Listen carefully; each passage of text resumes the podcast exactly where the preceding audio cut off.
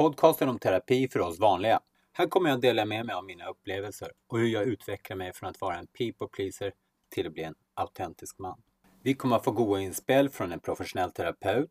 Jag kommer reflektera över mina situationer och jag kommer bjuda in gäster som jag gillar att prata med om dessa teman. Vi snackar om att lämna illusionen, om den perfekta partnern, om hur strategier för att göra allt rätt misslyckas, hur det är när strategier kollapsar och hur vi tar oss tillbaka till verkligheten. Mitt mål är att ändra samhällskulturen där män uppträder som people pleaser till att hellre vakna upp och finna sitt autentiska inre. Detta får inte jag till själv.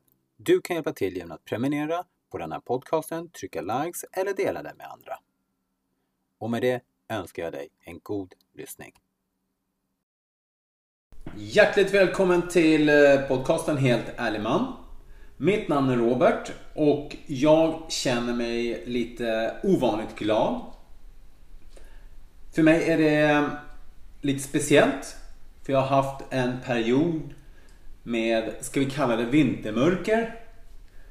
Och så hände det någonting nu när jag var på påsksemester i Stockholm. Det, det skedde där att helt plötsligt började alla tankarna, och det är ju samma tankar som jag hade tidigare, att bli så positiva. De... Istället för att jag gick ner och började tänka lite destruktivt så blev det så positiva tankar. Eller tankarna blev inte positiva men känslan jag hade med tankarna, eller känslan jag fick av tankarna var väldigt positiva.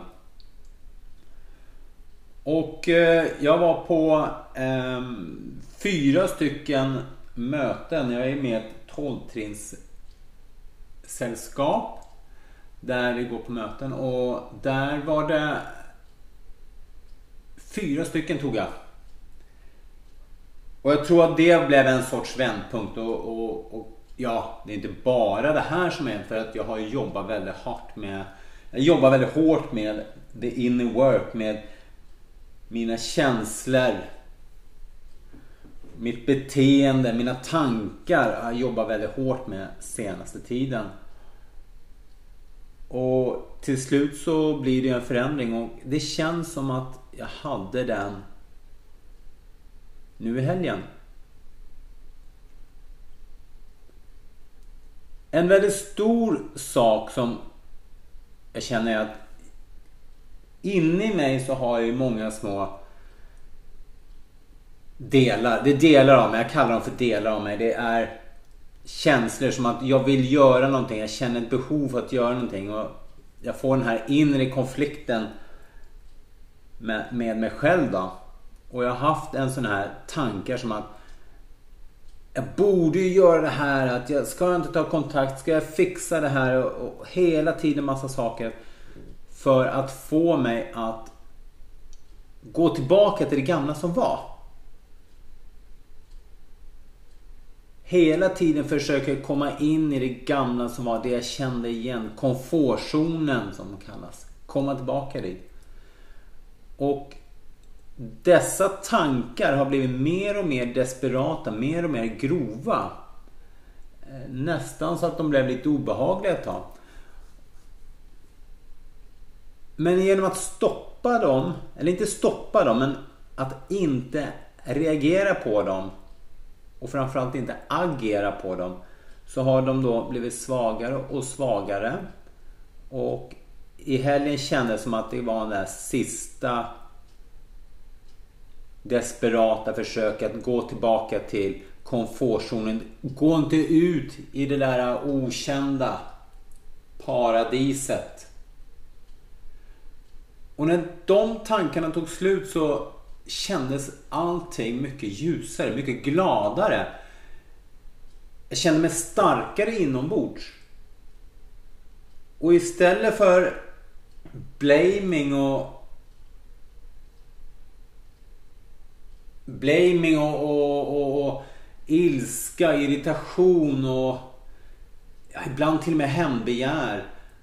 Så har det skiftat som att det är en större förståelse. Jag har en större förståelse, jag skulle, jag skulle faktiskt säga mer tacksamhet till det jag fått uppleva. Det jag lärt mig. Jag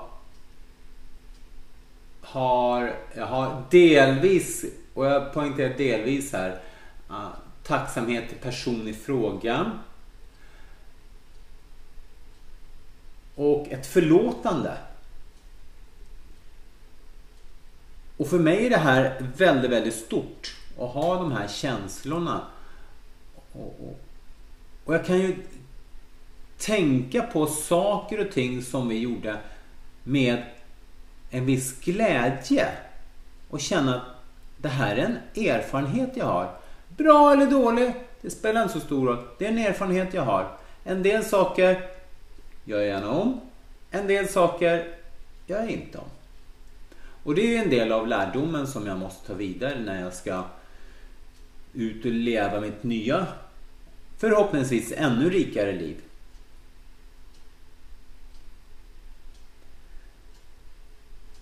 Det var så stort när vi åker hem från Stockholm så fick vi åka tåg via Göteborg och sen buss därifrån. Och det kan ju kännas bara, åh, Hälsingland, ska jag åka till Göteborg? Jag vill ju åka raskaste vägen hem. Men den här gången var det väldigt mycket som att det blev ett äventyr. För jag var med grabbarna, mina grabbar, 11 och 13 år. Så att vi fick ett äventyr att komma till en ny stad och byta till buss och hur ska vi göra det och hittar vi och allt sånt här. Vad gör vi med maten? Och... Det vart ett äventyr för mig och grabbarna. Jättekul blev det. Och så satt jag på tåget. Och stängde av alla digitala dingser. Och så tittade jag ut genom fönstret. Ni vet sådär som man gjorde en gång i tiden. Förr i tiden när det inte fanns telefoner. Eller mobila telefoner. Titta ut genom fönstret och ser hur landskapet börjar komma till liv igen. Ni vet den här åken som är precis börjar bli lite, lite grön.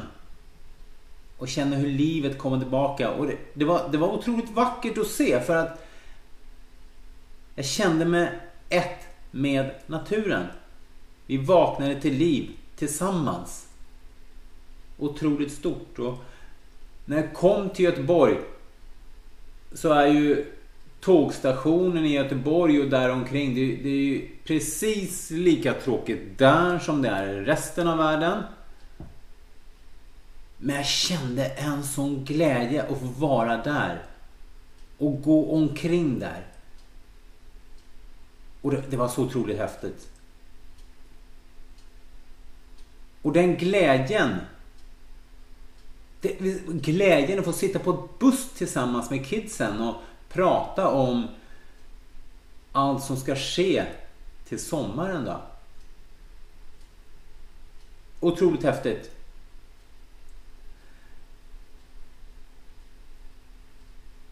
En annan väldigt intressant upplevelse är ju när vi passerar Strömstad. För det är, Strömstad är ju en helt fantastisk plats. Eh, väldigt vackert. De har ett gäng bra restauranger där nere. Och eh, väldigt trevlig att gå omkring i faktiskt. Så jag slår ett slag för Strömstad. Men det var ju också vårat lilla ställe. Och det var ju ganska häftigt. Och när jag åker förbi där så blir jag lite så här. Oj, oj, oj, vad kommer jag känna nu när jag åker förbi Strömstad här? Och hade en liten oro för det. För vi passerar ju Strömstad på vägen. Och hade den oron för det. Och så la jag upp en strategi. Att när jag passerar Strömstad så ska jag säga till min äldsta son att här ska vi åka ner och vi ska ha kul i sommar. Vi ska göra party.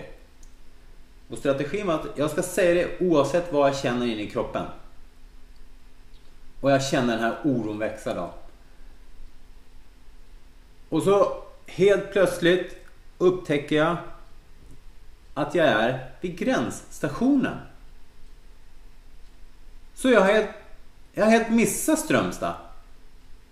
Och då kom den här känslan till mig. Sätt mig själv fri. Sätt henne fri.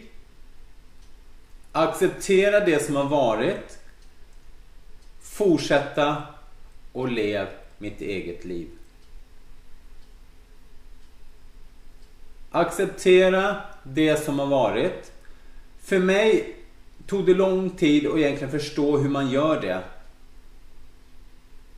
Och jag menar att jag jag kommer i vart fall närmare förståelsen för det. Det är inte helt lätt alla gånger men att acceptera det som har varit är vitalt för att kunna gå vidare.